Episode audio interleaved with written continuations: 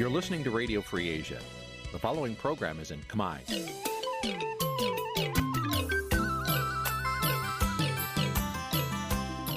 នេះជាកម្មវិធីផ្សាយ Vuthu Azizi Serai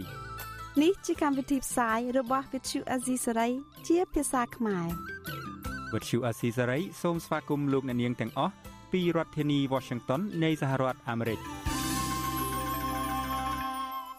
ពីរដ្ឋធានី Washington សហរដ្ឋអាមេរិកខ្ញុំបាទយ៉ងច័ន្ទដារាសូមជម្រាបសួរលោកអ្នកនាងកញ្ញាទាំងអស់ជាទីមេត្រីយើងខ្ញុំសូមជូនកម្មវិធីផ្សាយសម្រាប់ព្រឹកថ្ងៃអាទិត្យ14រោចខែពិសាឆ្នាំខាលចត្វាស័កពុទ្ធសករាជ2566ដែលត្រូវនឹងថ្ងៃទី29ខែឧសភា គ្រិស្តសករាជ2022ជាដំបូងនេះសូមអញ្ជើញអស់លោកអ្នកនាងស្ដាប់ព័ត៌មានប្រចាំថ្ងៃដែលមានមេត្តាដូចតទៅ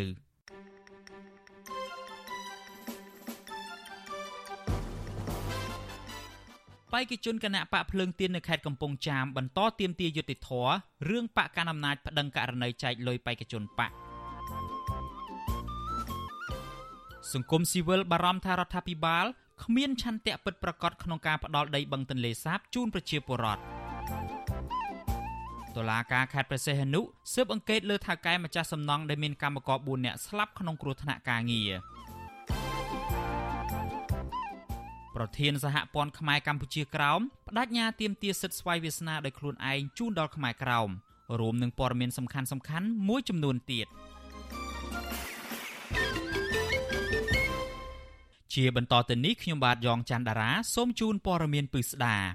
បេក្ខជនមេឃុំគណៈបកភ្លើងទៀនចាត់ទុកបណ្ដឹងរបស់គណៈបកកណ្ដាលអំណាចពាក់ព័ន្ធនឹងការចោទប្រកាន់រឿងចែកថវិកាក្នុងពេលឃោសនានោះថាជារឿងមិនត្រឹមត្រូវ និងជាការធ្វើទុកបុកម្នេញផ្នែកនយោបាយការលើកឡើងនេះគឺបន្ទាប់ពីពួកគេបានចូលសវនាការផ្សះផ្សាសំណុំរឿងនេះនៅទីស្នាក់ការគណៈកម្មការរៀបចំការបោះឆ្នោតខេត្តកំពង់ចាម កាលពីថ្ងៃទី28ឧសភាម្សិលមិញនេះបាទលោកសេកបណ្ឌិតរាយការណ៍ព័ត៌មាននេះ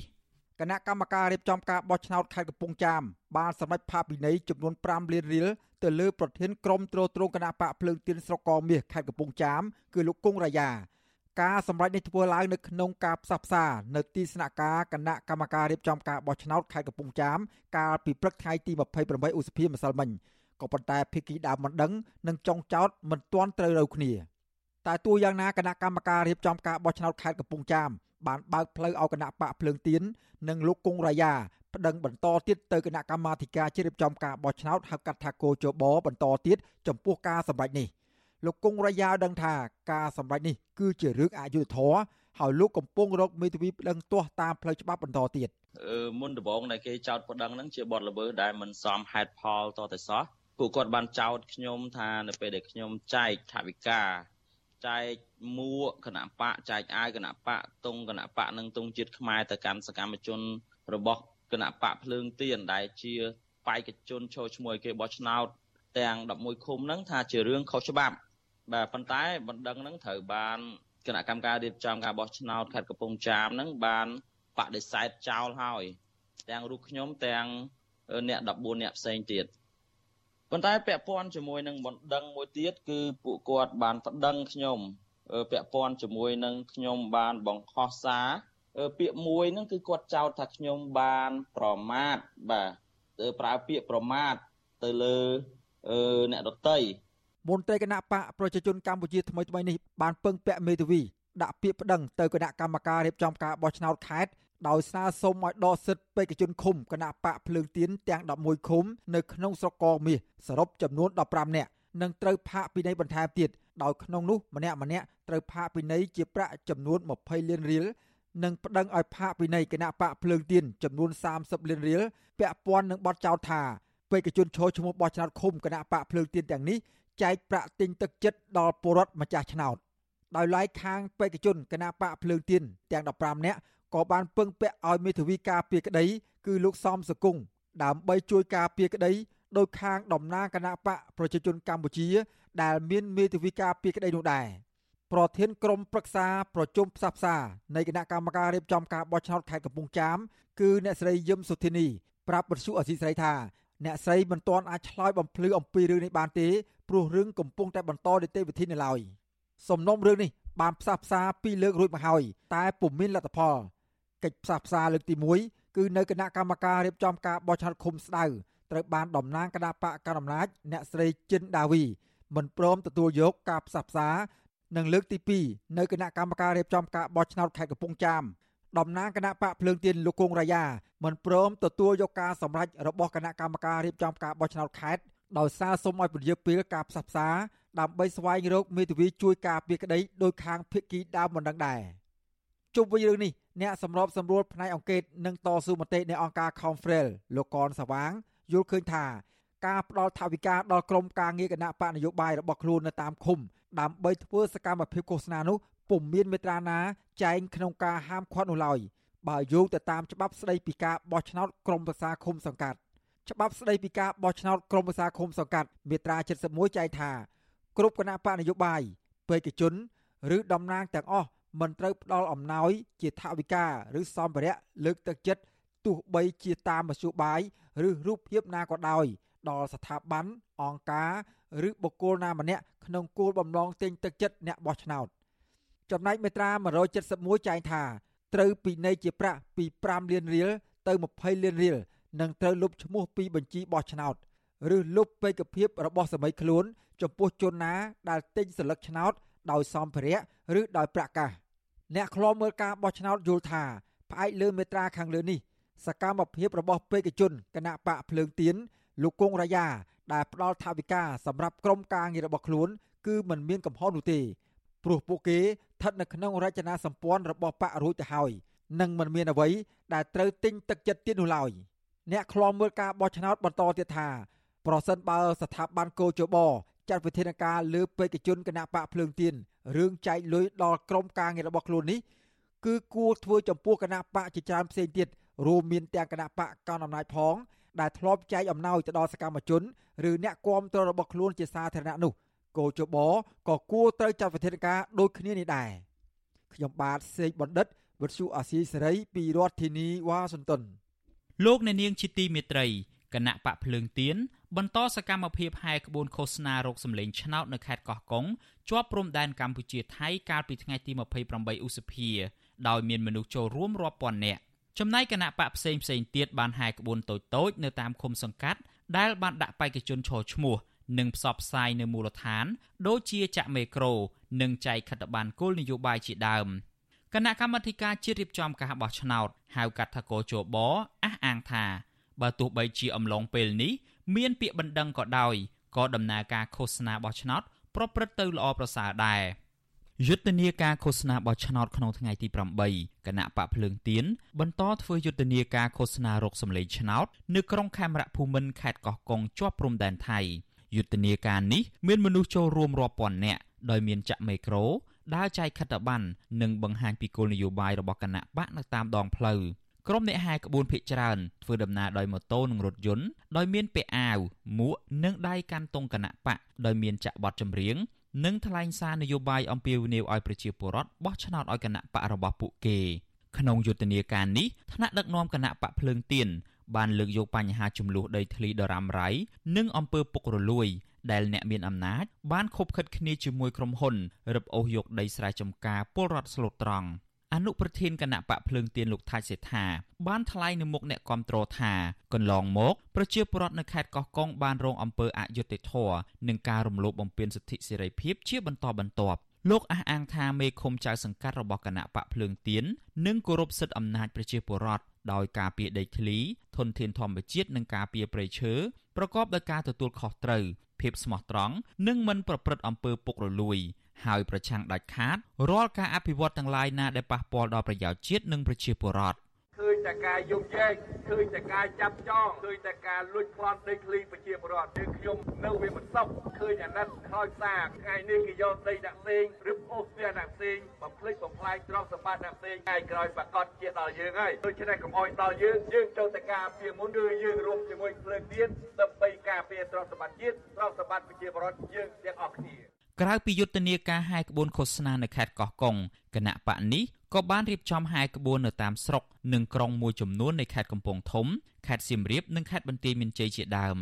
ទន្ទឹមនឹងនេះពួកគេក៏បានធ្វើសកម្មភាពមួយចំនួននៅតាមមូលដ្ឋានដូចជាការចាក់មេក្រូនិងចែកខិត្តប័ណ្ណតាមខ្នងផ្ទះប្រជាពលរដ្ឋផងដែរចំណែកគណៈបកកម្ពុជានិយមវិញយុទ្ធនាការឃោសនាថ្ងៃទី8គណៈបកបានហែក្បួនឃោសនាបោះឆ្នោតនៅស្រុកទឹកផុសនៅស្រុករលាភៀននៃខេត្តកំពង់ឆ្នាំងដែលមានអ្នកចូលរួមជិត100នាក់ គណៈបកនេះនឹងរៀបចំហែក្បួនឃោសនារកសម្លេងឆ្នោតនៅសង្កាត់មួយចំនួននៅរាជធានីភ្នំពេញដូចជាសង្កាត់បឹងទំពុន2និងសង្កាត់រលួសដែលដឹកនាំដោយប្រធានគណៈបកលោកយ៉ែមពញ្ញរិទ្ធដែលមានមនុស្សចូលរួមជាង100នាក់នៅព្រឹកថ្ងៃទី29ឧសភាប្រធាននាយកដ្ឋានព័ត៌មាននៃគណៈបកកម្ពុជានិយមលោកសុកពេញឡុងថ្លែងថា រយៈពេលឃោសនាបោះឆ្នោតកន្លងទៅនេះសកម្មជនរបស់គណៈបកលោកបានជួបបញ្ហាប្រឈមជាមួយអាជ្ញាធរតាមសង្កាត់មួយចំនួននៅក្នុងរាជធានីភ្នំពេញដោយអាជ្ញាធរបានរារាំងមិនឲ្យពួកគាត់បោះតង់ឃោសនានៅទីសាធារណៈឡើយក៏ប៉ុន្តែលោកថាករណីទាំងនេះបានដោះស្រាយរួចរាល់ហើយដោយពុំមានការបដិងផ្ដាល់ទៅគណៈកម្មការឃុំសង្កាត់រៀបចំការបោះឆ្នោតនោះទេ បច្ចុប្បន្ននៅសង្កាត់បឹងតពុនទី2ទោះបីយើងដាក់ស្តង់ក្នុងការផ្សព្វផ្សាយឃោសនាក៏មានអាជ្ញាធរគាត់ទៅគម្រាមកំហែងសម្លុតបើមិនចេញទេទីពីទីនឹងទេក៏គាត់នឹងអាប់យកទៅខណ្ឌយកទៅអីជាដើមអាហ្នឹងជារូបភាពមួយដែលគណៈបកទទួលយកអត់បានទេក៏ប៉ុន្តែថាតែគោលនយោបាយក៏ដូចជាគោលការណ៍របស់គណៈបកកម្ពុជានិយមអហិង្សាដូចជាយើងផ្ដោតសំខាន់ទៅលើក្រមសីលធម៌អញ្ចឹងហើយយើងក៏ធ្វើតាមការណែនាំរបស់គេទៅ រីឯគណៈបកប្រជាជនកម្ពុជាវិញគណៈបកនេះមិនបានហាយក្បួនឃោសនាទ្រង់ទ្រាយធំនោះទេនៅថ្ងៃទី28ខែឧសភាដោយសារពួកគេកំណត់យកផែនការហាយក្បួនទ្រង់ទ្រាយធំនៅទូទាំងប្រទេសចំនួន2ដងតែប៉ុណ្ណោះគឺថ្ងៃបើក និងថ្ងៃបិទបញ្ចប់នៃយុទ្ធនាការក៏ប៉ុន្តែគណៈបកនេះបានបន្តធ្វើសកម្មភាពឃោសនានៅតាមឃុំសង្កាត់នីមួយៗដោយចុះចាក់មេក្រូចែកខិត្តប័ណ្ណនិងបង្រៀនប្រជាពលរដ្ឋពីវិធីគូសសញ្ញលឹកឆ្នោត។ អ្នកនាំពាក្យគណៈបកប្រជាជនកម្ពុជាលោកសុកអេសានថ្លែងថារហូតមកដល់ពេលនេះគណៈបករបស់លោកមិនទាន់ទទួលរងនូវពាក្យបណ្ដឹងពីគណៈបកនយោបាយណាមួយនៅឡើយទេ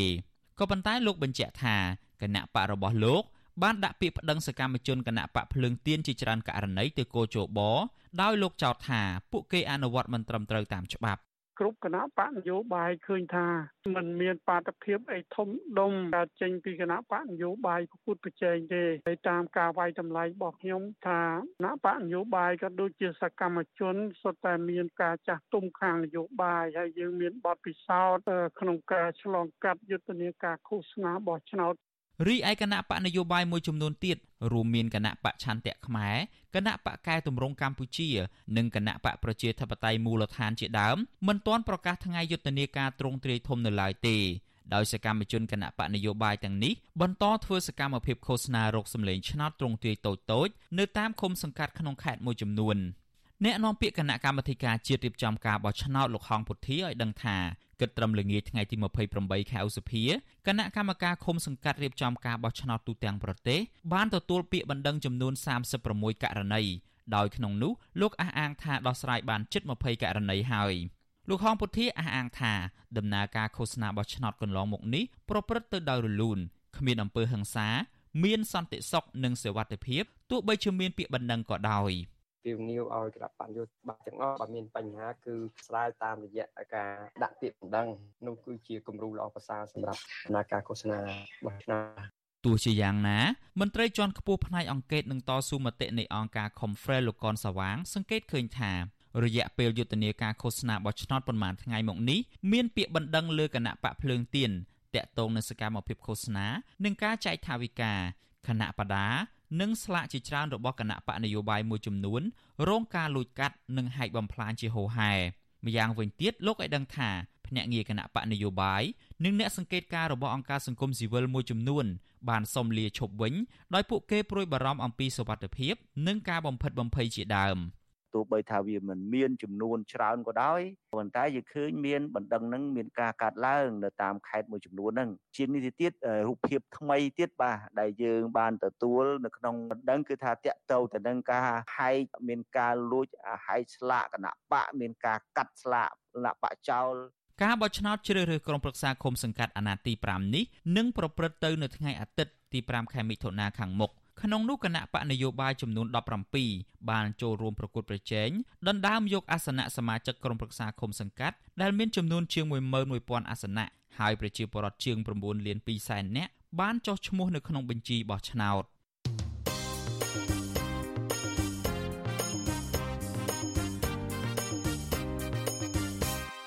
បាទលោកអ្នកនាងជាទីមេត្រីតកតងទៅនឹងរឿងខ្មែរក្រោមវិញ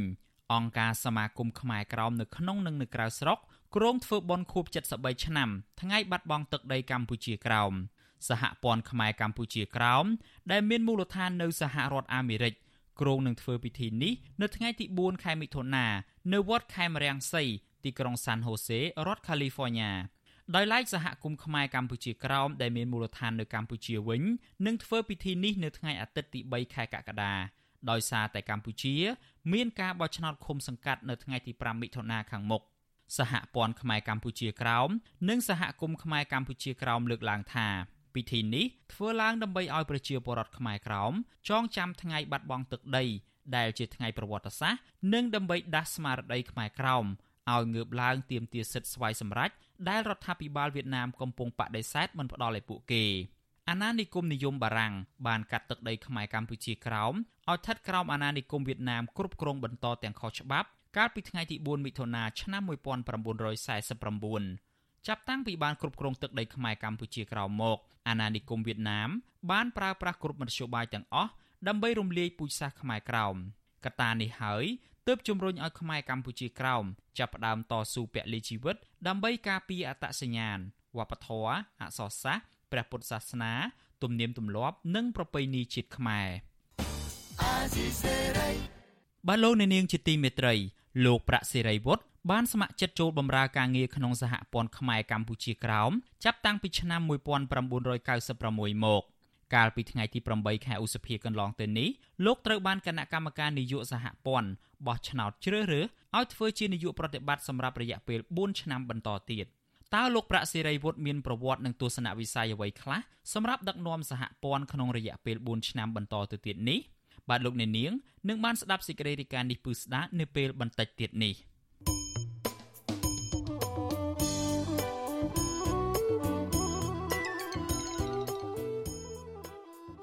លោកអ្នកនាងជាទីមេត្រីដំណើរគ្នានឹងស្ដាប់ការផ្សាយវិទ្យុអាស៊ីសេរីតាមបណ្ដាញសង្គម Facebook និង YouTube លោកអ្នកនាងក៏អាចស្ដាប់កម្មវិធីផ្សាយរបស់វិទ្យុអាស៊ីសេរីតាមរលកធាតុអាកាសខ្លីឬ Shortwave តាមកម្រិតនិងកម្ពស់ដូចតទៅនេះ ពេលព្រឹកចាប់ពីម៉ោង5កន្លះដល់ម៉ោង6កន្លះតាមរយៈរលក ធាតុអាកាសខ្លី12140 kHz ស្មើនឹងកម្ពស់ 25m និង13715 kHz ស្មើនឹងកម្ពស់ 22m ពេលយប់ចាប់ពីម៉ោង7កន្លះដល់ម៉ោង8កន្លះតាមរយៈរលក ធាតុអាកាសខ្លី9960 kHz ស្មើនឹងកម្ពស់ 30m 12140 kHz ស្មើនឹងកម្ពស់ 25m និង11885 kHz ស្មើនឹងកម្ពស់ 25m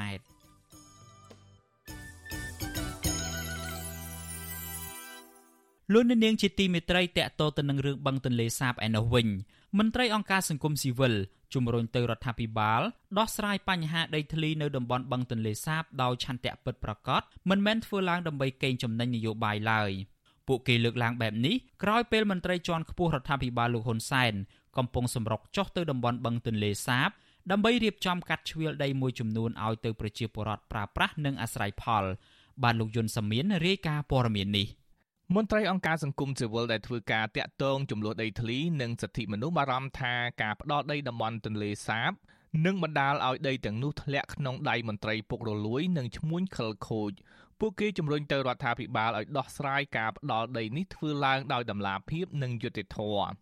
អ្នកសម្របសម្រួលគម្រោងធុរកិច្ចនិងសិទ្ធិមនុស្សរបស់មជ្ឈមណ្ឌលសិទ្ធិមនុស្សកម្ពុជា លោកវ៉ាន់សុផាតបារម្ភថាការដោះស្រាយផ្ដាល់ដីជូនពលរដ្ឋនៅតំបន់បឹងទន្លេសាបនេះហាក់មានបង្កប់ចរិតនយោបាយគណៈការដោះស្រាយនេះធ្វើឡើងក្នុងអំឡុងពេលឃោសនារោគសម្លេងឆ្នោតលោកបារម្ភថាការដោះស្រាយផ្ដាល់ដីនេះធ្វើឡើងតែរដូវបោះឆ្នោត ប៉ុន្តែក្រោយការបោះឆ្នោតក៏ស្ងាត់ទៅវិញ។ឃើញថាវាដូចជាបច្ច្រាស់គ្នាណាវិធានការហ្នឹងហើយនឹង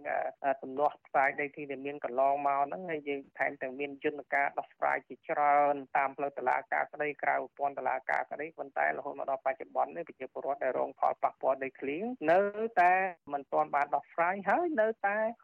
ប្រឈមនឹងការដកហូតដីនឹងបន្ថែមទៀតបាទ ប្រតិកម្មរបស់មន្ត្រីអង្គការសង្គមស៊ីវិលនេះធ្វើឡើងគណៈរដ្ឋាភិបាលលោកហ៊ុនសែនកំពុងកាត់ជ្រឿដីតំបន់បឹងទន្លេសាបឲ្យពលរដ្ឋនៅក្នុងភូមិសាស្ត្រខេត្តកំពង់ឆ្នាំងពោធិ៍សាត់បាត់ដំបងបន្ទាយមានជ័យសៀមរាបនិងខេត្តកំពង់ធំស្រដៀងគ្នានេះដែរនាយកទទួលបន្ទុកកិច្ចការទូតនៃអង្គការលីកាដូលោកអំសំអាត ចង់ឃើញការដោះស្រាយនេះធ្វើឡើងដោយតឹងរឹងដើម្បីជៀសវាងជនឱកាសនិយមបន្លំឈ្មោះកាត់យកដីជំនួសពលរដ្ឋ លោកក៏ជំរុញឲ្យមានវិធានការមើងម៉ាត់លើជនមានអំណាចដែលរំលោភដីតំបន់បឹងទន្លេសាប និងគួរថែរក្សាបរិស្ថាននៅតំបន់នោះផងដែរ។ អញ្ចឹងគឺត្រូវតែចាត់វិធានការឲ្យបានតឹងរ៉ឹងកុំឲ្យ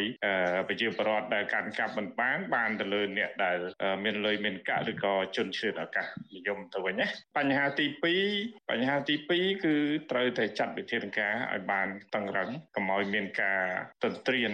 បន្តទៅលើដីបឹងទន្លេសាប លោកអំសំអាតលើកឡើងបែបនេះព្រោះកាលយុទ្ធនាការបង្ក្រាបបទល្មើសបឹងទន្លេសាបកាលពីដើមឆ្នាំ2022គេរកឃើញថាមន្ត្រីធំធំនិងអាជ្ញាធរនៅតំបន់បឹងទន្លេសាប បានរំលោភដីបឹងទន្លេសាបអស់រាប់ពាន់ហិកតា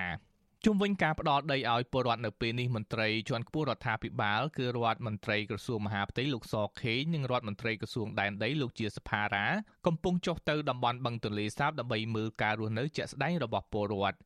លោកសខេងបានសរសេរលើទំព័រ Facebook នៅថ្ងៃទី28ខែឧសភាថា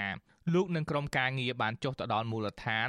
នៅក្នុងស្រុកចំនួន3នៅក្នុងខេត្តបាត់ដំបង ហើយបានសម្រេចប្រគល់ភារកិច្ចនៃការកាត់ជ្រឿលដីឲ្យរដ្ឋបាលខេត្តបាត់ដំបងដោះស្រាយជូនពលរដ្ឋចំណែករដ្ឋមន្ត្រីក្រសួងរៀបចំដែនដីលោកជាសភារាឲ្យដឹងថាលោកកំពុងចុះទៅពិនិត្យនៅខេត្តពោធិ៍សាត់និងខេត្តកំពង់ឆ្នាំង លោកនាយករដ្ឋមន្ត្រីហ៊ុនសែននៅថ្ងៃទី28ខែឧសភានេះបានចេញអនុក្រឹត្យស្តីពីការកែសម្រួលផ្ទៃដីទំហំជាង3400ហិកតាចេញពីតំបន់អភិរក្សឬតំបន់ហាមឃាត់ក្នុងខេត្តពោធិ៍សាត់ដើម្បីឲ្យពលរដ្ឋអាចប្រើប្រាស់និងអាស្រ័យផលប្រធានអង្គភិបអ្នកណែនាំពាក្យរដ្ឋាភិបាលលោកផៃស៊ីផានឲ្យវិទ្យុអាស៊ីសេរីដឹងថាការដោះស្រាយផ្ដាល់ដីធ្លីឲ្យពលរដ្ឋនៅតំបន់បឹងទន្លេសាបនេះវាជារឿងស្មុគស្មាញ លោកយល់ថាការលើកឡើងរបស់មន្ត្រីអង្គការសង្គមស៊ីវិលលើបញ្ហានេះជាការចំអកឡកលើយលើកិច្ចខំប្រឹងប្រែងរបស់រដ្ឋាភិបាលមន្ត្រីរដ្ឋាភិបាលដដែលលើកឡើងថាប្រសិនបើមន្ត្រីអង្គការសង្គមស៊ីវិលរកឃើញភាពមិនប្រក្រតីនៃការផ្ដាល់ដីនេះពួកគេអាចប្តឹងទៅរដ្ឋាភិបាលឬផ្ដាល់ដំណឹងនេះតាម Facebook លោកសខេងនិងលោកជាសភារាក៏បានដែរ ទោះបីជាយ៉ាងណាលោកផៃស៊ីផានថាការដោះស្រាយបញ្ហាដីធ្លីនេះរដ្ឋាភិបាលមិនបានផ្ដល់ឱកាសឲ្យអង្គការសង្គមស៊ីវិលឬអ្នកពាក់ព័ន្ធអាចចូលរួមឃ្លាំមើលនោះទេ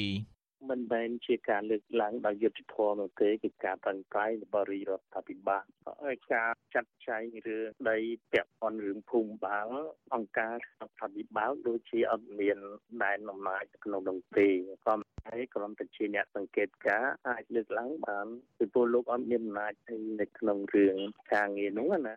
មន្ត្រីអង្គការសង្គមស៊ីវិលលោកវ៉ាន់សុផាតយល់ថាប្រសិនបើរដ្ឋាភិបាលមានឆន្ទៈដោះស្រាយ គួរអនុញ្ញាតឲ្យអង្គការសង្គមស៊ីវិលជាតិនិងអន្តរជាតិឬមន្ត្រីស្ថានទូតចូលរួមឃ្លាំមើល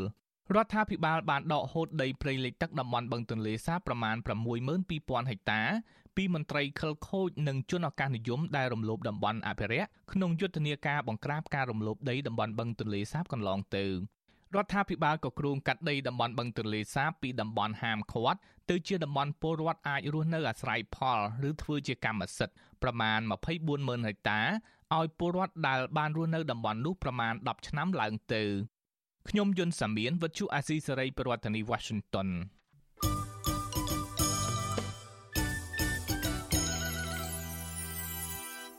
លោកអ្នកនាងអ្នកស្ដាប់វិទ្យុអាស៊ីសេរីទាំងអស់ជាទីមេត្រីតកតងទៅនឹងរឿងគ្រោះថ្នាក់ការងារវិញ តុលាការខេត្តប្រសេះហនុកំពុងបើកការស៊ើបអង្កេតលើម្ចាស់ការដ្ឋានសំណង់មួយកន្លែងនៅក្នុងខេត្តនេះពាក់ព័ន្ធទៅនឹងករណីកម្មករសំណង់ចំនួន4នាក់បានស្លាប់និងម្នាក់ទៀតកំពុងសម្រាកនៅក្នុងមន្ទីរពេទ្យដោយសារតែកំហុសបច្ចេកទេសបណ្ដាលឲ្យពួកគាត់ដាច់ខ្សែយោងធ្លាក់ពីលើអាគារជាន់ទី15លោកសនចាន់រដ្ឋារាយការណ៍ព័ត៌មាននេះអញ្ញាធរខេត្តប្រសេនុអះអាងថាសមត្ថកិច្ចបានចាប់ខ្លួនមេការសំណងម្នាក់នៅក្នុងការដ្ឋានកម្មករធ្លាក់ពីលើអាគារនោះ បញ្ជូនទៅតំណាងអัยការនៃសាលាដំបងខេត្តប្រសេនុរួចហើយស្នងការនគរបាលខេត្តប្រសេនុលោកជុនរិនប្រាវិទ្យុអាស៊ីសេរីថ្ងៃទី28ខែសភាធម្មទោពេលនេះមេការសំណងរំនោះកំពុងស្ថិតក្នុងការសាកសួររបស់ចៅក្រមនៅឡើយហើយមិនទាន់មានការទទួលខុសត្រូវផ្នែកសំណងរដ្ឋបវេនីដល់ចូលរងគ្រោះនោះទេលោកអះអាងថាសមត្ថកិច្ចក៏កំពុងស៊ើបអង្កេតរកអ្នកពាក់ព័ន្ធបន្ថែមទៀតដើម្បីចាត់ការតាមនីតិវិធីច្បាប់ ការនេះទៅដល់ដៃដំបញ្ញាហើយប៉ុន្តែរដ្ឋាភិបាលសំឡងរដ្ឋពេលនេះមិនទាន់ទេប៉ុន្តែអ្វីដែលគាត់ខាងក្រុមហ៊ុនបានយកចិត្តទុកដាក់ទៅបន្តការនៅក្រុមគ្រួសារដល់ស្រាយតែទី2ក៏យើងនៅអនុវត្តនៅវិធានការច្បាប់ដែរកំពុងតែនៅស្ថិតលើដៃស្លាកការកំពុងតែចំណាត់ការវិទ្យុអេស៊ីសេរីមិនទាន់អាចតតងប្រធានសាលាដំបងខេបហ្សេនុលោកកាវ៉ាន់ឌីដើម្បីសាកសួរបន្ថែមអំពីរឿងនេះបានទេ នៅថ្ងៃទី28ខែសភា ចំណែកអ្នកនាំពាក្យសាលាខេត្តបរសេនុលោកខៀមពិរមថ្លែងថាសមាជិកកំពុងរៀបចំរបាយការណ៍បន្ថែមបញ្ជូនទៅកម្មវិធីដែនដីនគររូបនីយកម្មមួយសំណងដើម្បីអនុវត្តតាមនីតិវិធីថានឹងអនុញ្ញាតឲ្យមានការសាងសង់អគារបន្តឬក៏ផ្អាកដំណើរការ។ ហើយរឿងសំណងរឿងអីហ្នឹងគឺគឺមានរែងក្រុមការងាររបស់ទីការងារក្រុមការងាររបស់ទីការងារលោកចោះធ្វើកិច្ចការងារហ្នឹងរួមជាមួយនឹងក្រុមការសំណងណាការចូលរួមពីអាជ្ញាធរព័ន្ធនៅនឹងទីដែនដីអញ្ចឹងពាក់ព័ន្ធរឿងសំណងនីតិវិធីអីអាហ្នឹងវានៅក្នុងក្រុមការងារអាហ្នឹងលោកអាចតំបត្តិបន្ថែមទៅទីការងារកាលពីថ្ងៃទី20ខែសភាកម្មករសំណងជនជាតិខ្មែរ5នាក់បានជិះកន្ត្រកយោងយកសម្ភារៈការងារ ឡាគារការដ្ឋានកំពង់សាងសង់មួយកន្លែងនៅខេត្តបរសេនុហើយបានធ្លាក់ពីលើអគារជាន់ទី15ដោយមានកម្មករចំនួន3នាក់បានស្លាប់ភ្លាមៗនៅនៅកន្លែងចំណែកកម្មករ2នាក់ប្តីប្រពន្ធផ្សេងទៀតត្រូវគេបញ្ជូនទៅសង្គ្រោះបន្ទាន់នៅមន្ទីរពេទ្យបង្អែកខេត្តក៏ប៉ុន្តែប្រពន្ធឈ្មោះសយម៉ាលីដែលកំពុងមានផ្ទៃពោះផងនោះបានស្លាប់ក្នុងមន្ទីរពេទ្យពេលកំពុងជួយសង្គ្រោះកាលពីចុងខែមិថុនាឆ្នាំ2019អគារខុនដូកម្ពស់7ជាន់កំពុងសាងសង់ក្នុងខេត្តផ្សេងនោះ ដែលមានម្ចាស់និងអ្នកម៉ាការសាងសង់ជាជនជាតិចិនបានបាក់ដួលរលំសង្កត់កម្មករដែលកំពុងដេកក្នុងការដ្ឋានសាងសង់ដែលបណ្ដាកម្មករស្លាប់ចំនួន28នាក់និងរងរបួសចំនួន26នាក់ចំណែកឯក្នុងឆ្នាំ2020កន្លងទៅគ្រោះថ្នាក់បាក់រលំអគារកំពុងសាងសង់កម្ពស់7ជាន់នៅខេត្តកែបដោយសារតែសាងសង់ខុសបច្ចេកទេសបណ្ដាកម្មករសំណងនិងសាច់ញាតិចំនួន36នាក់ក្នុងនោះមានស្រី14នាក់និងមានក្មេង6នាក់ បានស្លាប់ក្រោមគំនរផ្ទាំងថ្មនៃអគារនោះរាយមនុស្សចំនួន23នាក់បានរងរបួសធ្ងន់បើទោះបីជាយ៉ាងណាសហជីពការពារសិទ្ធិកម្មករលើកឡើងថាករណីសោកនាដកម្មបែបនេះបានកើតឡើងច្រើនលើច្រើនសារមកហើយក៏ប៉ុន្តែរដ្ឋាភិបាលមិនដែលមានចំណាត់ការឬក៏ដាក់ពិន័យលើមន្ត្រីអាជ្ញាធរផ្នែកអធិការកិច្ចដែលធ្វើប្រហែសនៅក្នុងការពិនិត្យបច្ចេកទេសការដ្ឋានសំណង់និងការគ្រប់គ្រងប្រព័ន្ធសុវត្ថិភាពជូនដល់កម្មករឲ្យបានល្អនោះទេ អគ្គលេខាធិការសហព័ន្ធសហជីពកម្មករសំណង់និងប្រៃឈើកម្ពុជាលោកយ៉ាន់ធីជំរុញនៅតុលាការខេត្តបរសេនុនិងអាជ្ញាធរមានសមត្ថកិច្ចពន្យល់នីតិវិធីក្នុងការចាប់ខ្លួនតកែប្រកបដែលគ្រប់គ្រងសំណង់ដើម្បីផ្ដល់យុត្តិធម៌ដល់ជនរងគ្រោះលើពីនេះលោកទីមទាអាញាធបផ្សព្វផ្សាយព័ត៌មានឲ្យទូលំទូលាយជាងនេះដោយធានាថាគ្មានការអនុវត្តច្បាប់ដែលមានស្តង់ដារ2និងខុសគ្នាជាមួយម្ចាស់ការដ្ឋានសំណង់។ ខ្ញុំគិតថាម្ចាស់អាគារដូចជាមិនប្របានទេពីព្រោះហើយមុននឹងគាត់សាងសង់ខ្ញុំគិតថាហើយជាអាជ្ញាធរនឹងបានដឹងខ្លះហើយមួយចាស់សំណង់ម្ចាស់អាគារហ្នឹងជារបស់អ្នកណាហើយមួយទៀតខ្ញុំប្រៀបធៀបករណីបាក់អាគារនៅខេត្តប្រទេសនោះហ្នឹងដែលយើងរដ្ឋាភិបាលក៏ដូចជាអាជ្ញាធរបានផកខ្លួនចាស់សាងសង់ម្ចាស់ដីហើយបានកាត់ទោសអីឲ្យជាប់ពន្ធនាគារអីអញ្ចឹងវាអត់អាចថាអនុវត្តតង់ដាពីរទេពីព្រោះកាលណាតាបដែតបដោយធ្វើប្រហែលបណ្ដាលឲ្យមានកម្មករស្លាប់អាហ្នឹងបើត្រូវមានទោសវាវាត្រូវដូចគ្នាទោះបីជាមានករណីស្លាប់ម្នាក់ពីរនាក់ប្រើប៉ុន្តែគឺជាអាយុជីវិតដែលមិនអាចដាក់លក់នៅទីផ្សារបានទេមន្ត្រីសហជីពការពារសិទ្ធិកម្មកររំនេះនៅតែបន្តទាមទារឲ្យអាជ្ញាធរជំរុញដល់ថការជនជាតិចិនជាច្រើនអ្នកផ្សេងទៀតដែលកំពុងដំណើរការសាងសង់អគារជាច្រើនក្នុងខេត្តផ្សេងនោះដើម្បីឲ្យអ្នកវិនិយោគទៅនោះមានការទទួលខុសត្រូវខ្ពស់លើផ្នែកប្រព័ន្ធសុវត្ថិភាពជូនដល់កម្មករខ្មែរលោកបារម្ភថាបើមន្ត្រីអាជ្ញាធរធ្វើការដោយសពថ្ងៃនេះវាសនាកម្មករខ្មែរនឹងនៅតែប្រឈមគ្រោះថ្នាក់ដល់អាយុជីវិតបន្តទៀត ដែលធ្វើឲ្យពួកគាត់ជួបទុក្ខសង្រេចប្រុសប្រាសញ្ញាណនិងមនុស្សជាទីស្រឡាញ់ក្នុងគ្រួសារខ្ញុំសនចាររថាវិទ្យុអេស៊ីសេរីរាយការណ៍ពីរដ្ឋធានីវ៉ាស៊ីនតោន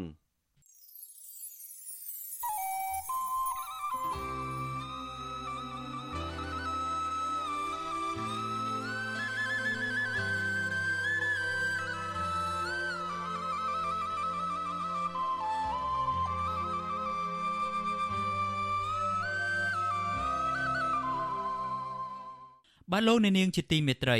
លោកប្រាក់សេរីវុឌ្ឍបានស្ម័គ្រចិត្តចូលបម្រើការងារក្នុងសហព័ន្ធខ្មែរកម្ពុជាក្រោមចាប់តាំងពីឆ្នាំ1996មក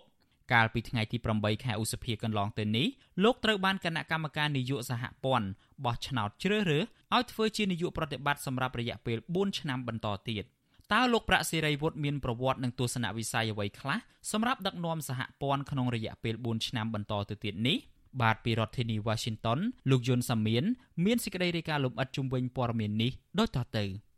លោកប្រាក់សេរីវុឌ្ឍនឹងបន្តយុទ្ធនាការនៅលើឆាកអន្តរជាតិដើម្បីស្វែងរកសិទ្ធិស្វ័យសម្រេចដោយខ្លួនឯងនៅថ្ងៃអនាគតជូនពលរដ្ឋខ្មែរក្រោមដែលរស់នៅលើទឹកដីកំណើតគឺយើងនឹងធ្វើការបង្ហាត់ណែនាំបញ្យល់ឲ្យបងប្អូនខ្មែរក្រមយើងជាពិសេសនៅទឹកដីកម្ពុជាក្រមពីសិទ្ធិរបស់យើងដែលជាជនជាតិដើម ដែលអង្គការសហជាតិគេបានប្រកាសទទួលស្គាល់សិទ្ធិជនជាតិដើមអន្តរជាតិហើយរដ្ឋាភិបាលវៀតណាមក៏យល់ព្រមទទួលស្គាល់រឿងនោះដែរ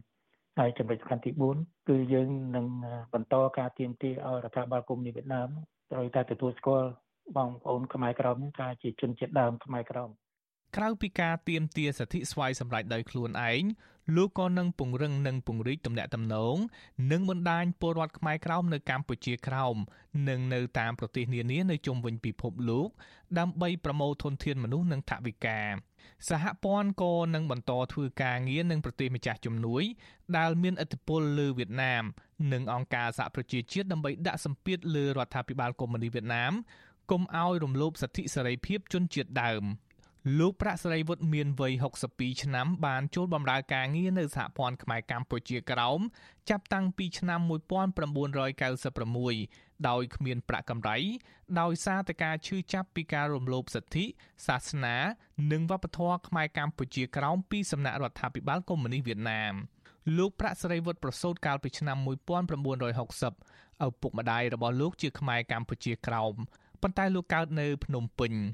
លោករួចផុតពីការកាប់សម្លាប់ក្នុងរបបខ្មែរក្រហម ហើយរត់មករស់នៅក្នុងជំរំជនភៀសខ្លួនខាវីដាង នៅក្នុងទឹកដីថៃ ហើយបន្តដំណើរមករស់នៅអាមេរិកកាលពីឆ្នាំ1980មកដល់អាមេរិកលោកប្រាក់សេរីវុឌ្ឍបានបន្តការសិក្សារហូតបានបរិញ្ញាបត្រផ្នែកវិទ្យាសាស្ត្រនយោបាយពីសាកលវិទ្យាល័យ California State University លោកធ្លាប់បម្រើការងារជាជំនួយការអតីតតំណាងរាស្ត្រអាមេរិកនៅរដ្ឋ California ជាមន្ត្រីជួយដល់ពលរដ្ឋខ្មែរអាមេរិកដែលជួបប្រទះបញ្ហាអន្តោប្រវេសន៍លោកក៏បានជួយពលរដ្ឋខ្មែរដែលធ្លាប់ប្រព្រឹត្តកំហុស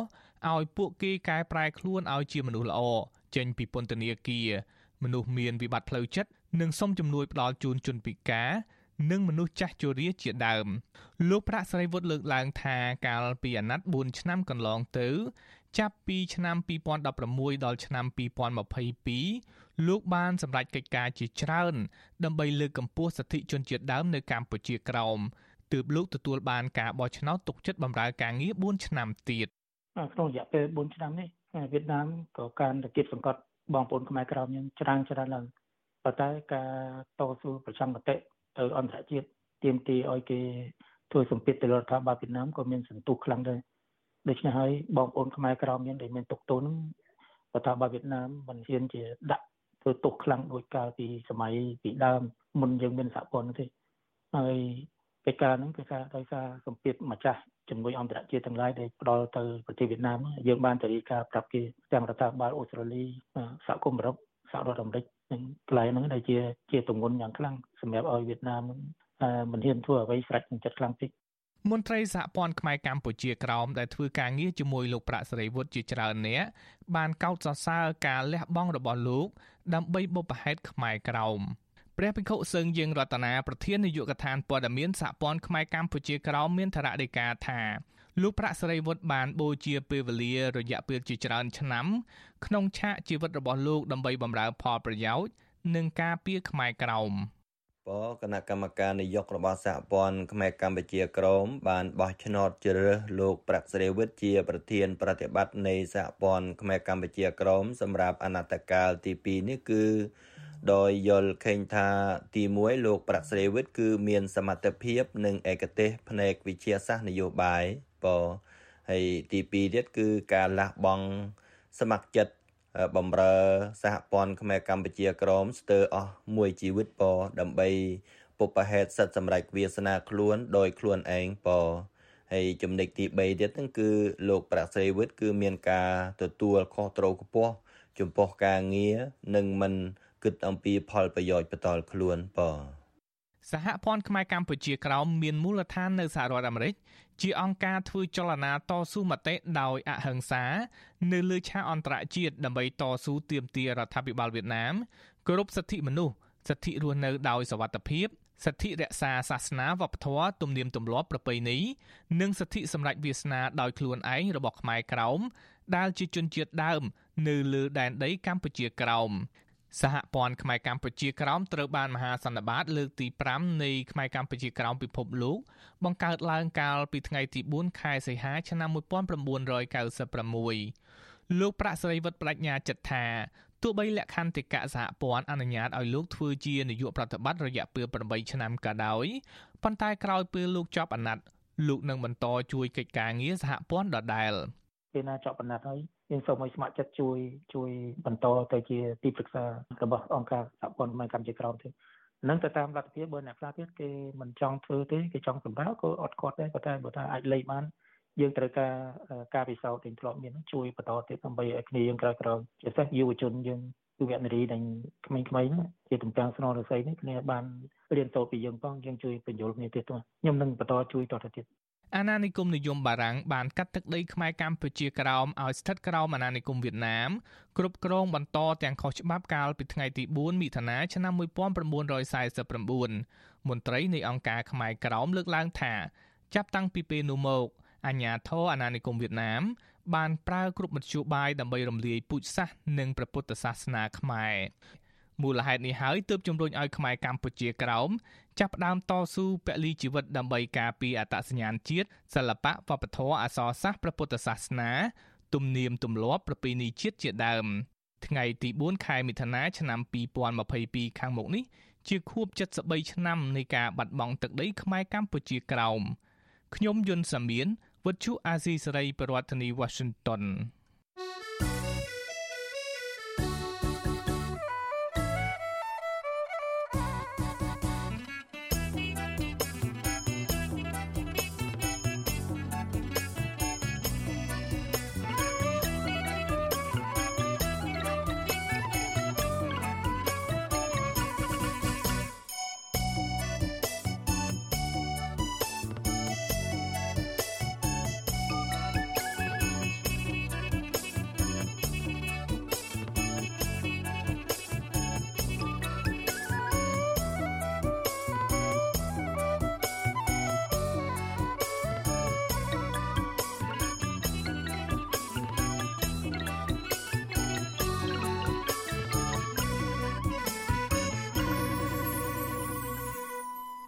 លោកអ្នកនាងកញ្ញាអ្នកស្ដាប់វិទ្យុអាស៊ីសេរីទាំងអស់ជាទីមេត្រី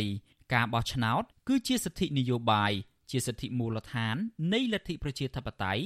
និងជាការទទួលខុសត្រូវដ៏មានសារៈសំខាន់របស់ប្រជាពលរដ្ឋគ្រប់គ្រប់រូបការអនុវត្តសិទ្ធិបោះឆ្នោតជះឥទ្ធិពលយ៉ាងខ្លាំងដល់ការពង្រឹងគុណភាពនៃការដឹកនាំគ្រប់លំដាប់ថ្នាក់ចាប់តាំងពីថ្នាក់មូលដ្ឋានរហូតដល់ថ្នាក់ជាតិការបោះឆ្នោតជ្រើសរើសក្រុមប្រឹក្សាឃុំសង្កាត់នឹងប្រព្រឹត្តទៅនៅថ្ងៃទី5ខែមិថុនាខាងមុខ តាមរយៈការបោះឆ្នោតពលរដ្ឋមានសិទ្ធិសម្ងាត់លើសញ្ញាឆ្នោតដើម្បីជ្រើសរើសតំណាងដែលខ្លួនពេញចិត្តដោយគ្មានការបំផិតបំភ័យនិងគំរាមកំហែងនោះឡើយបាទពីរដ្ឋធានី Washington អ្នកស្រីម៉ៅសុធីនីរាយការណ៍ពីស្ដាជុំវិញព័ត៌មាននេះដូចតទៅក្នុងសង្គមប្រកាន់លទ្ធិប្រជាធិបតេយ្យប្រជាបរតជាម្ចាស់ប្រទេស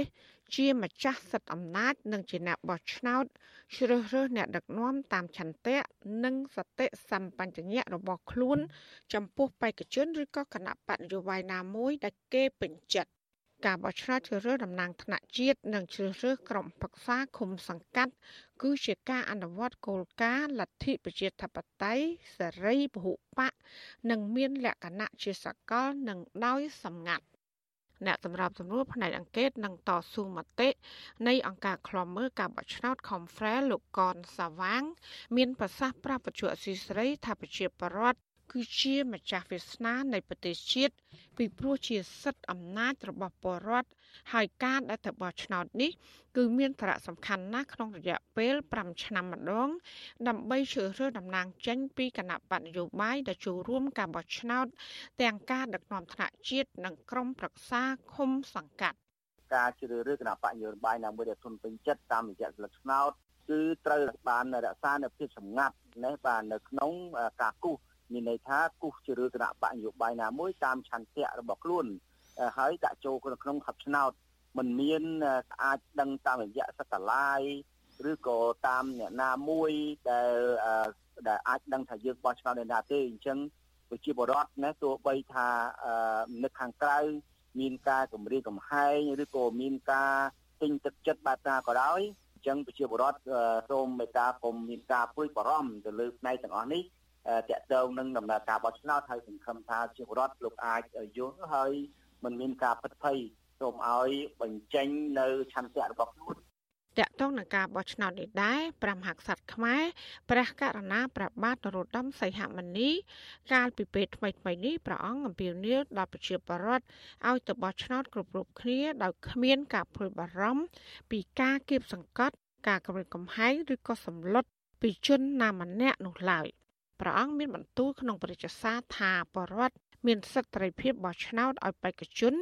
ឬគណៈបកនយោបាយណាមួយដែលខ្លួនពេញចិត្តពីព្រោះជាការបោះឆ្នោតជាសកលដោយសម្ងាត់តាមលទ្ធិប្រជាធិបតេយ្យសេរីភូប៉ា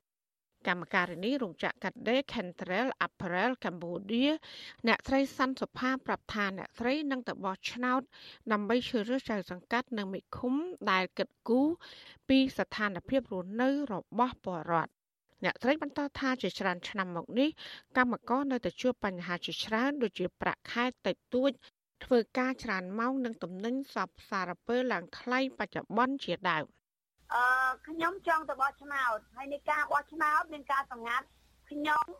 អត់គួយបារម្ភនៃការភ័យខ្លាចនៃជនណាដឹងថាខ្ញុំបោះឲ្យជនណាឡើយអឺបានជាខ្ញុំចង់ទៅបោះឆ្នោតដោយសារស្លឹកឆ្នោតខ្ញុំមានតម្លៃហើយខ្ញុំនឹងបោះឲ្យអ្នកណាដែលគាត់មើលឃើញប្រជាពលរដ្ឋសំខាន់ដើម្បីរើសតំណាងដែលខ្ញុំពេញចិត្តហើយបោះឆ្នោតហ្នឹងមានការសម្ងាត់ ចំណែកបុគ្គលិកក្រុមហ៊ុនកាស៊ីណូ Naga World កញ្ញានប់ទឹកបូរាវី ដែលបាននាំគ្នាបន្តធ្វើកុតកម្មអស់ប្រមាណ5ខែមកនេះដើម្បីទាមទាររកដំណោះស្រាយវិវាទការងារជាមួយនឹងភាគីក្រុមហ៊ុនក៏បានឲ្យដឹងដែរថាកញ្ញាក៏នឹងទៅបោះឆ្នោតដែរដើម្បីជ្រើសរើសតំណាងបរដ្ឋពិតប្រាកដទោះបីជាបារម្ភថាការបោះឆ្នោតនេះមិនមានភាពយុត្តិធម៌ក៏ដោយ។ ខ្ញុំចង់ទៅបោះឆ្នោតហើយខ្ញុំក៏ជ្រើសរើសអ្នកណាដែលជាតំណាងរបស់ប្រជាពលរដ្ឋនិងអាចជួយប្រជាពលរដ្ឋនៅពេលដែលប្រជាពលរដ្ឋជួបទុក្ខលំបាកក្តីបារម្ភ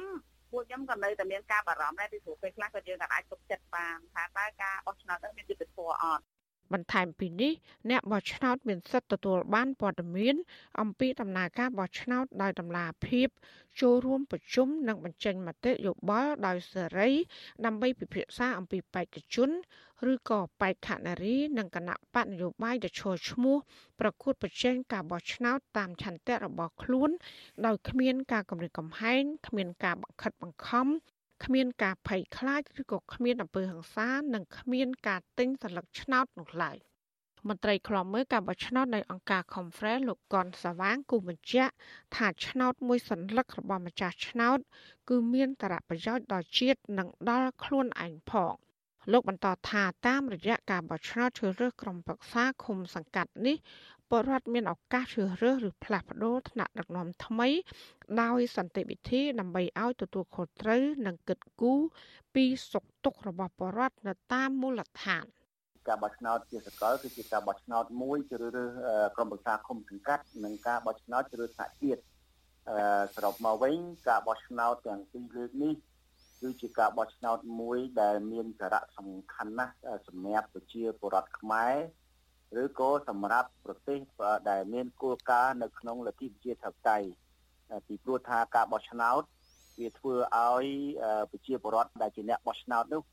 មានសិទ្ធិនៅក្នុងការចូលរួមជ្រើសរើសតំណាងរបស់ខ្លួន ហើយក៏មានសិទ្ធិនៅក្នុងការឈរឈ្មោះឲ្យគេបោះឆ្នោតគឺតាមរយៈសិទ្ធិផ្នែកនយោបាយរបស់ប្រជាពលរដ្ឋ ការបោះឆ្នោតក្រុមប្រឹក្សាឃុំសង្កាត់អាណត្តិទី5នេះនឹងប្រព្រឹត្តទៅនៅថ្ងៃអាទិត្យទី5ខែមិថុនាខាងមុខដែលមានគណៈបកនយោបាយចូលរួមចំនួន17គណៈបកក្នុងចំណោមគណៈបកទាំងអស់នោះមានគណៈបកធំធំចំនួន4ដែលមានបេក្ខជនចូលឈ្មោះបោះឆ្នោតក្រុមប្រឹក្សាគុំសង្កាត់គ្រប់ចំនួន25ខេត្តក្រុង រួមមានគណៈបកប្រជាជនកម្ពុជាគណៈបកភ្លើងទៀន គណៈបកហ្វុនស៊ិនពេជ្រនិងគណៈបកខ្មែររួបរวมជាតិគណៈបកកណ្ដាលអំណាចបានដាក់បេក្ខជនចូលឈ្មោះ បាន100%ទៅតាមឃុំសង្កាត់ទូទាំងប្រទេស ចំណែកឯគណៈបកភ្លើងទៀនវិញក៏បានដាក់បេក្ខជនចូលឈ្មោះបាន1600ឃុំសង្កាត់ ចាដើម្បីបោះឆ្នោតបានបរដ្ឋត្រូវតែមានឈ្មោះនៅក្នុងបញ្ជីបោះឆ្នោតផ្លូវការឆ្នាំ2021និងមានអត្តសញ្ញាណប័ណ្ណសញ្ជាតិខ្មែរដែលមានសុពលភាពប្រសិនបើមិនទាន់មានអត្តសញ្ញាណប័ណ្ណសញ្ជាតិខ្មែរឬក៏អត្តសញ្ញាណប័ណ្ណអសុពលភាព បាត់ឬក៏ត្រូវកែតម្រូវសម័យខ្លួនអាចទៅស្នើសុំឯកសារបញ្ជាក់អត្តសញ្ញាណនៅគណៈកម្មការឃុំសង្កាត់រៀបចំការបោះឆ្នោតឬក៏នៅអាជ្ញាធរឃុំសង្កាត់ដែលខ្លួនត្រូវទៅបោះឆ្នោត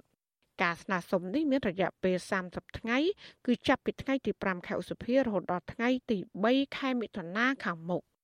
ចាននាងខ្ញុំម៉ៃសុធានីវັດឈូអាស៊ីស្រីប្រធានាធិបតី Washington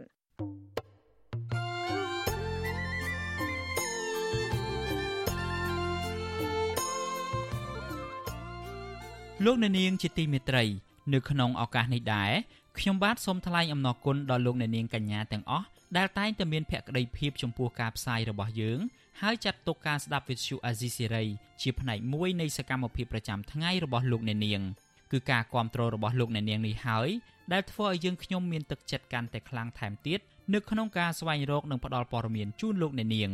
មានអ្នកស្ដាប់អ្នកទស្សនាកាន់តែច្រើន កាន់តែធ្វើឲ្យយើងខ្ញុំមានភាពស្វាហាប់មោះមុតជាបន្តទៅទៀតយើងខ្ញុំសូមអរគុណទុកជាមុនហើយសូមអញ្ជើញលោកអ្នកនាងកញ្ញាចូលរួមជំរុញឲ្យសកម្មភាពផ្តល់ព័ត៌មានរបស់យើងនេះឲ្យកាន់តែជោគជ័យបន្ថែមទៀត។លោកអ្នកនាងអាចជួយយើងខ្ញុំបានដោយគ្រាន់តែចុចចែករំលែកឬ Share ការផ្សាយរបស់យើង នៅលើបណ្ដាញសង្គម Facebook និង YouTube ទៅកាន់មិត្តភ័ក្តិដើម្បីឲ្យការផ្សាយរបស់យើងបានទៅដល់មនុស្សកាន់តែច្រើន បាទសូមអរគុណ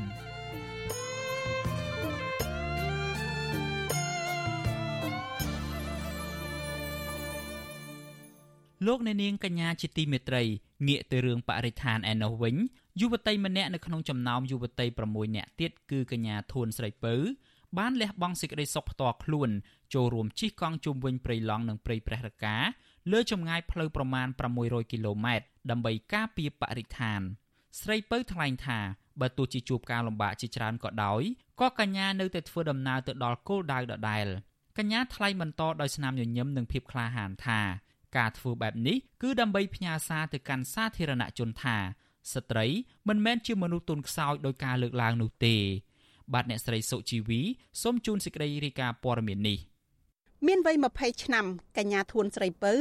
បានតស៊ូជិះកង់ជុំវិញព្រៃឡង់ដោយឆ្លងកាត់ខេត្តចំនួន4គឺខេត្តកំពង់ធំខេត្តព្រះវិហារខេត្តស្ទឹងត្រែងនិងខេត្តក្រចេះរហូតដល់ថ្ងៃបញ្ចប់ ការជិះកង់នេះបានចាប់ផ្ដើមតាំងពីថ្ងៃទី10ដល់ថ្ងៃទី20ខែឧសភាកន្លងទៅកញ្ញាយល់ថាការចូលរួមដើម្បីបរិស្ថាននិងប្រៃឈើនៅកម្ពុជា ជាកាតព្វកិច្ចដែលយុវជនត្រូវតែបំពេញកញ្ញាធួនស្រីពៅមានដើមកំណើតនៅស្រុកស្រីស្នំខេត្តសៀមរាបជាយុវតីមានភាពរស់រាយរាក់ទាក់ស្រឡាញ់យុត្តិធម៌សង្គមហើយតែងតែចូលរួមគ្រប់សកម្មភាពការពារបរិស្ថានកញ្ញាធួនស្រីពៅបានឲ្យវិទ្យុអាស៊ីសេរីដឹងថា សម្លេងស្ត្រីដើម្បីយុត្តិធម៌សង្គមមានតិចតួចណាស់ស្របពេលដែលសង្គមកម្ពុជាសពថ្ងៃមិនសូវផ្ដល់តម្លៃដល់ស្ត្រីយុវតីរូបនេះបន្តថាប្រសិនបើស្ត្រីភៀកច្រើនប្តីផ្ដួលទៅលើការលើកឡើងរបស់សង្គមប្រកាសណាស់ស្ត្រីនឹងស្ថិតនៅក្នុងក្រសែភ្នែករបស់សាធារណជនថាជាមនុស្សទុនខ្សោយកញ្ញាធួនស្រីពៅបន្តថា ការងារដើម្បីផលប្រយោជន៍រួមមិនត្រូវមានការរើសអើងគ្នានោះទេ ខណៈដែលស្ត្រីក៏គួរតែចូលរួមឲ្យបានច្រើនដើម្បីលើកកម្ពស់ភាពជាស្ត្រីរឹងមាំនៅក្នុងសង្គមយុវតីរូបនេះអំពាវនាវសូមឲ្យសាធារណជនទម្លាក់ចោលការគិតអវិជ្ជមានដែលថាស្ត្រីបង្វិលចង្ក្រានមិនជុំដោយគិតផ្ទុយមកវិញថាស្ត្រីគឺជាមនុស្សរឹងមាំអាចធ្វើការដោយបរិះដែរហើយស្ត្រីពិតជាចូលរួមចំណែកដើម្បីអភិវឌ្ឍប្រទេសជាតិបានដោយសារតែយើងដឹងថាអឺ ចាស់ចាស់គាត់តែនិយាយថាអឺស្ត្រីវេទិកាអត់ជុំស្ត្រីកម្លាំងខ្សោយស្ត្រីធ្វើអីអត់បានដូចបរោះទេអញ្ចឹងខ្ញុំចង់លើកទឹកចិត្តដល់ស្ត្រីគ្រប់រូបថាយើងទាំងអស់គ្នាអាចធ្វើបានទោះបីជាពេលខ្លះនឹងឲ្យយើងទីកង់អញ្ចឹងវាក្តៅហើយកម្លាំងយើងខ្សោយប៉ុន្តែយើងនៅតែតស៊ូពួកអីយើងចង់ចូលរួមឬក៏ផ្សព្វផ្សាយ ធ្វើជាគំរូភាពទៅដល់ស្ត្រីគ្រប់រូបហ្នឹងឲ្យគាត់មានសេចក្តីក្លាហានមានការចូលរួមឲ្យបានកាន់តែច្រើនដើម្បីផ្លាស់ប្រែឬក៏ផ្លាស់ប្ដូរសង្គមជាតិរបស់យើងហ្នឹងឲ្យវាមានដំណើរការឈានទៅមុខបានកាន់តែល្អហើយអ្នកខេត្តសៀមរាបរូបនេះបន្តថា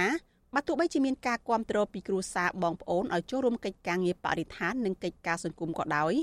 ក៏នៅតែមិនទាន់មានការគ្រប់គ្រងពីសំណាក់មិត្តភ័ក្តិនិងគ្រូបង្រៀនរបស់កញ្ញានៅឡើយទេកញ្ញាបានលើកឡើងបន្តថាការជិះកង់ដើម្បីការពារបរិស្ថាន មិនអាចរំពឹងថាមានការគ្រប់គ្រងច្រើនពីសំណាក់ប្រជាពលរដ្ឋទាំងអស់នោះបានទេប៉ុន្តែកញ្ញានៅតែពេញចិត្តនិងសង្ឃឹមថាកិច្ចខិតខំប្រឹងប្រែងមួយនេះនឹងក្លាយទៅជាគំរូភាពសម្រាប់អ្នកជំនាន់ក្រោយគាត់តែងតែថាអឺចូលរួមជិះកង់ធ្វើអីហត់ណាក្តៅទៅមិនរួចហើយធ្វើដើម្បីអីជិះដើម្បីអីជិះទៅគេអឺគេយល់គេយល់អត់គេគេគេធ្វើតាមយើងអត់សម្បៃយើងចុះអប់រំគេដល់កន្លែងអឺចុះ បដោះបដាគេដល់កន្លែងនៅគេធ្វើអត់បានគេឈើនៅតែបាត់បង់ហើយប្រាក់ឋានមួយសារាមមើលអីហើយជីពេលខ្លះគ្រូខ្លះក៏គាត់ដែរនិយាយថាអឺអឺធ្វើធ្វើអីធ្វើធ្វើអីបានអីបានអីមកវិញខំរៀននៅសាលាទៅរស់តែក្រោមដំបូលសន្តិភាពទៅវាសុខស្រួលហើយយើងនៅរាល់ថ្ងៃក៏ដំបូលសន្តិភាពហ្នឹងយើងមានបានយើងសុខស្រួលតែយើងចង់បានអីទៀតតែគាត់អត់បានមើលទៅលើស្ថានភាពជាក់ស្ដែងឬក៏គាត់ឬមកក៏គាត់អត់បានស្វែងយល់បញ្ហាសង្គមឬយ៉ាងណាខ្ញុំអត់ដឹងដែរយុវតីរៀងល្អិតរូបនេះជាកូនកសិករក្រីក្រម្នាក់ ដែលកំពុងសិក្សាថ្នាក់បរិញ្ញាបត្រនៅសាកលវិទ្យាល័យភូមិន្ទភ្នំពេញ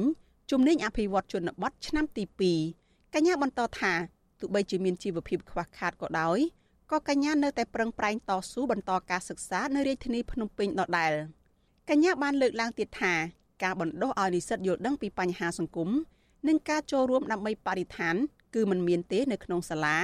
ខណៈដែលនិស្សិតភាគច្រើនគិតតែពីរៀនមេរៀនដែលគ្រូដាក់ឲ្យប៉ុណ្ណោះដែលបណ្ដាលឲ្យពួកគេ មិនសូវមានគំនិតជាតិនិយមនោះទេ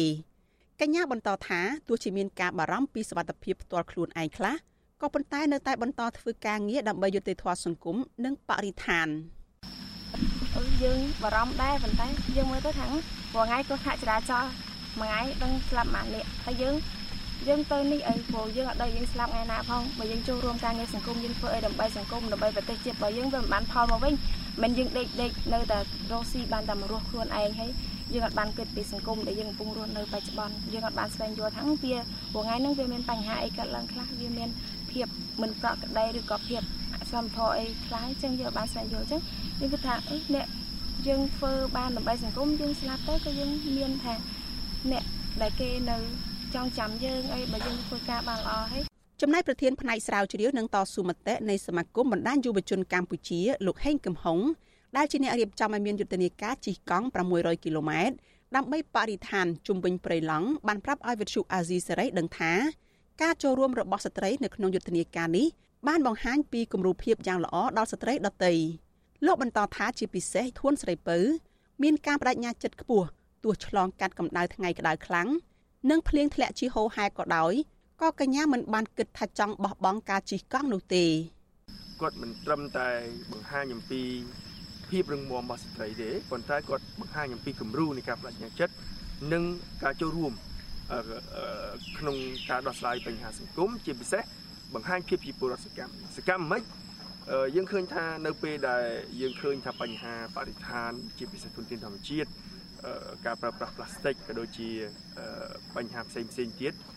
កំពុងតែបន្តកើតមានឡើងនៅក្នុងប្រទេសកម្ពុជាយើងឃើញថាប៉ុន្តែផ្ទុយទៅវិញគាត់អត់មានការព្រួយបារម្ភថា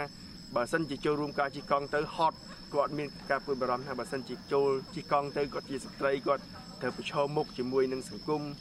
ធ្វើឲ្យប៉ះពាល់ទៅដល់សម្រស់នៃរូបរាងកាយគឺអត់ខ្វល់ទេប៉ុន្តែគាត់បានដាក់ការបដិញ្ញាចិត្តខ្ពស់ថានេះគឺជាគំរូភាពសម្រាប់ស្ត្រីផ្សេងទៀតហើយក៏បង្ហាញអំពីភាពខ្លាំងរបស់ស្ត្រីក្នុងការចូលរួមដែរលោកហេងកំហុងបន្តថានៅក្នុងយុទ្ធនាការជីកង់ដើម្បីបរិស្ថានមិនមែនជារឿងដែលងាយស្រួលនោះទេប៉ុន្តែកញ្ញាស្រីពៅ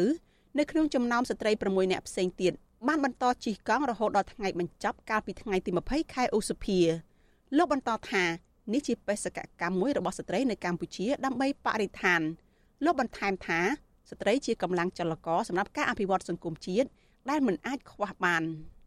អឺស្រីពៅគាត់មិនត្រឹមតែជាក្មេងស្រីដែលមានចំណេះដឹងខ្ពង់ខ្ពស់ទេគាត់ក៏ជាមនុស្សម្នាក់ដែល ដើរតួនាទីសំខាន់មែនទែនក្នុងការអនុវត្តសេរីភាពហើយគំរូភាពដល់ស្ត្រីផ្សេងទៀតអំពីភាពខ្លាំងនិងអ្វីដែលស្ត្រីអាចធ្វើបានស្ត្រីមិនមែនអនុវត្តទៅតាមប្រពៃណីរបស់ខ្លួននៅតែផ្ទះឬក៏បំពេញកិច្ចការនៅក្នុងតែផ្ទះទេប៉ុន្តែនៅពេលដែលស្ត្រីចេញធ្វើការនៅពេលដែលស្ត្រីចេញអនុវត្តសិទ្ធិសេរីភាពរបស់ខ្លួនស្ត្រីគឺជាក្រុមមនុស្សដែលមានធម៌ពលខ្លាំងហើយមានអធិបុលច្រើនទៅលើអ្នកអ្នកធ្វើសេចក្តីសម្រេចចិត្ត វិទ្យុអាស៊ីសេរីមិនអាចតេតតអ្នកនាំពាក្យក្រសួងបរិស្ថានលោកនេតភក្ត្រាដើម្បីសុំការអធិប្បាយជុំវិញការចូលរួមរបស់ស្ត្រីក្នុងវិស័យបរិស្ថានបានទេដោយទូរស័ព្ទចូលប៉ុន្តែពុំមានអ្នកទទួលកាលពីថ្ងៃទី24ខែឧសភាចំណែកលោកស្រីសស៊ីណែតអគ្គនាយិការរងនៃអគ្គនាយកដ្ឋានអភិវឌ្ឍសង្គមរបស់ក្រសួងកិច្ចការនារីក៏មិនបានឆ្លើយតបដែរដោយសារតែលោកស្រីកំពុងជាប់រវល់របាយការណ៍ជាតិស្ដីពីលទ្ធផលចុងក្រោយនៃជំរឿនទូទាំងប្រទេសកម្ពុជានៅក្នុងឆ្នាំ2019 បានបង្ហាញថាកម្ពុជាមានចំនួនប្រជាពលរដ្ឋសរុបជាង15លាននាក់ក្នុងនោះមានស្ត្រីជិត8លាននាក់អង្គការសង្គមស៊ីវិលតែងតែលើកឡើងថាទូនីតិរបស់ស្ត្រីនៅតាមស្ថាប័នក្រសួងធំធំមិនសូវមាននោះទេខណៈដែលស្ត្រីចូលរួមលើកិច្ចការសិទ្ធិមនុស្សក៏កាន់តែតិចនាយិកាអង្គការក្លាហានកញ្ញាប៊ុនរចនាបានប្រាប់វិទ្យុអាស៊ីសេរីកាលពីថ្ងៃទី24ខែឧសភាថាការចូលរួមរបស់ស្ត្រីគួរតែទទួលបានការលើកទឹកចិត្តខ្ពស់ លើវិស័យចលនាសង្គមជាពិសេសការតស៊ូមតិខណៈដែលមានស្ត្រីតិចតួចណាស់បានចូលរួមនៅក្នុងវិស័យទាំងនោះ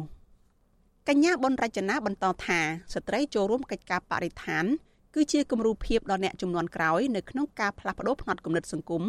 ដែលតែងតែដាក់សម្ពាធលើស្ត្រីថាជាមនុស្សទុនខ្សោយ វាប្រកាសណាស់ថាជាគំរូភាពសម្រាប់ទៅដល់ក្មេងៗចំនួនក្រោយបងប្អូនចំនួនក្រោយដើម្បីឲ្យគាត់បានចូលរួមឲ្យខ្នះខ្នែងឲ្យអស់ពីលទ្ធភាពរបស់គាត់នៅក្នុងកិច្ចការងារសង្គមកិច្ចការដើម្បីបានប្រយោជន៍សង្គមពីព្រោះកុំឲ្យគាត់យើងហៅថាមានភាពស្ទាក់ស្ទើរដោយសារតែភេទឬក៏អត្តសញ្ញាណ gender របស់គាត់នឹងថាជាឧបសគ្គ កញ្ញាធួនស្រីពៅបានលើកឡើងថាចំនួននៃការចូលរួមរបស់ស្ត្រីនៅក្នុងការងារសង្គមគឺមិនសូវមានច្រើនទេនៅក្នុងសង្គមបច្ចុប្បន្ននេះដែលធ្វើឲ្យសម្លេងរបស់ស្ត្រីនិងយុត្តិធម៌សង្គមកាន់តែធ្លាក់ចុះចំណែកការរំលោភបំពានទៅលើស្ត្រីក៏ចេះតែបន្តកើតមានជាហូរហែកញ្ញាស្នើឲ្យស្ត្រីគួរតែបន្តចូលរួមឲ្យបានច្រើនតាមរយៈការបញ្ចេញមតិនិងការប្រើប្រាស់សិទ្ធិរបស់ខ្លួនឲ្យបានពេញលេញគុំគុំចាំអាពាក្យថាស្ត្រីវាជាក្រានអត់ជុំនឹងខ្ញុំជឿជាក់ថាពួកយើង ធ្វើបានអស់គ្នាយើងចូលរួមអស់គ្នាទៅសង្គមរបស់យើងនឹងមានការកែប្រែទាំងអស់គ្នាមិនមែនថាការចាប់ដើមមុនបងវាមិនមែនថាវាល្អទាំងអស់ទេប៉ុន្តែយើងចាប់ដើមយូរទៅវាកាន់តែល្អហើយយើងរឹតវានឹងរឹតតែល្អបើមិនយើងចូលរួមឲ្យបានកាន់តែច្រើនពេលយើងចូលរួមធ្វើអ្វីដែលល្អហើយយើងអឺអាចថាយើងធ្វើអីដែលពេញចិត្តសម្រាប់ខ្លួនយើងអញ្ចឹងវានឹងសប្បាយចិត្តទោះបីហត់សម្រាប់ខ្ញុំទោះបីហត់មិនក៏ធ្វើអីដែលខ្លួនស្រឡាញ់ធ្វើអីដើម្បីសង្គមមួយនេះខ្ញុំសប្បាយចិត្ត របាយការណ៍របស់អង្គការ Freedom House ចេញផ្សាយកាលពីឆ្នាំ2021ឲ្យដឹងថាចំណាត់ថ្នាក់សេរីភាពនៅកម្ពុជាបន្តធ្លាក់ចុះទៀតដោយទទួលបានពិន្ទុ24លើ100ដែលមានន័យថាជាប្រទេសដែលគ្មានសេរីភាពការធ្លាក់ចុះមួយពិន្ទុទៀតនេះដោយសារសិទ្ធិនយោបាយនៅកម្ពុជាទទួលបានតែ5ពិន្ទុលើ40ខណៈសិទ្ធិសេរីភាពមូលដ្ឋានរបស់ពលរដ្ឋទទួលបាន19ពិន្ទុនៅលើ60សង្គមស៊ីវិលបារម្ភពីស្ថានភាពនៃការរំលោភសិទ្ធិមនុស្ស ថាជាផ្នែកមួយធ្វើឲ្យការចូលរួមរបស់ស្ត្រីមានការធ្លាក់ចុះនាងខ្ញុំសុជីវីវិទ្យុអាស៊ីសេរីពីរដ្ឋធានី Washington thank you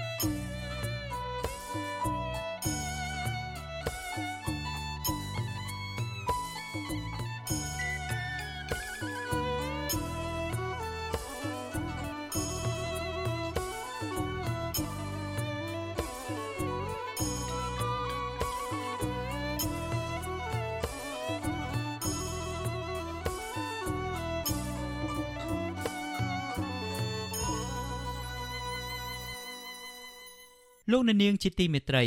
ការផ្សាយរយៈពេល1ម៉ោងរបស់វិទ្យុអាស៊ីសេរីនៅព្រឹកនេះចប់ត្រឹមតែប៉ុណ្ណេះយើងខ្ញុំសូមជូនពរដល់លោកអ្នកនាងព្រមទាំងក្រុមគ្រួសារទាំងអស់ឲ្យជួបប្រកបតែនឹងសេចក្តីសុខចម្រើនរុងរឿងកុំបីឃ្លៀងឃ្លាតឡើយ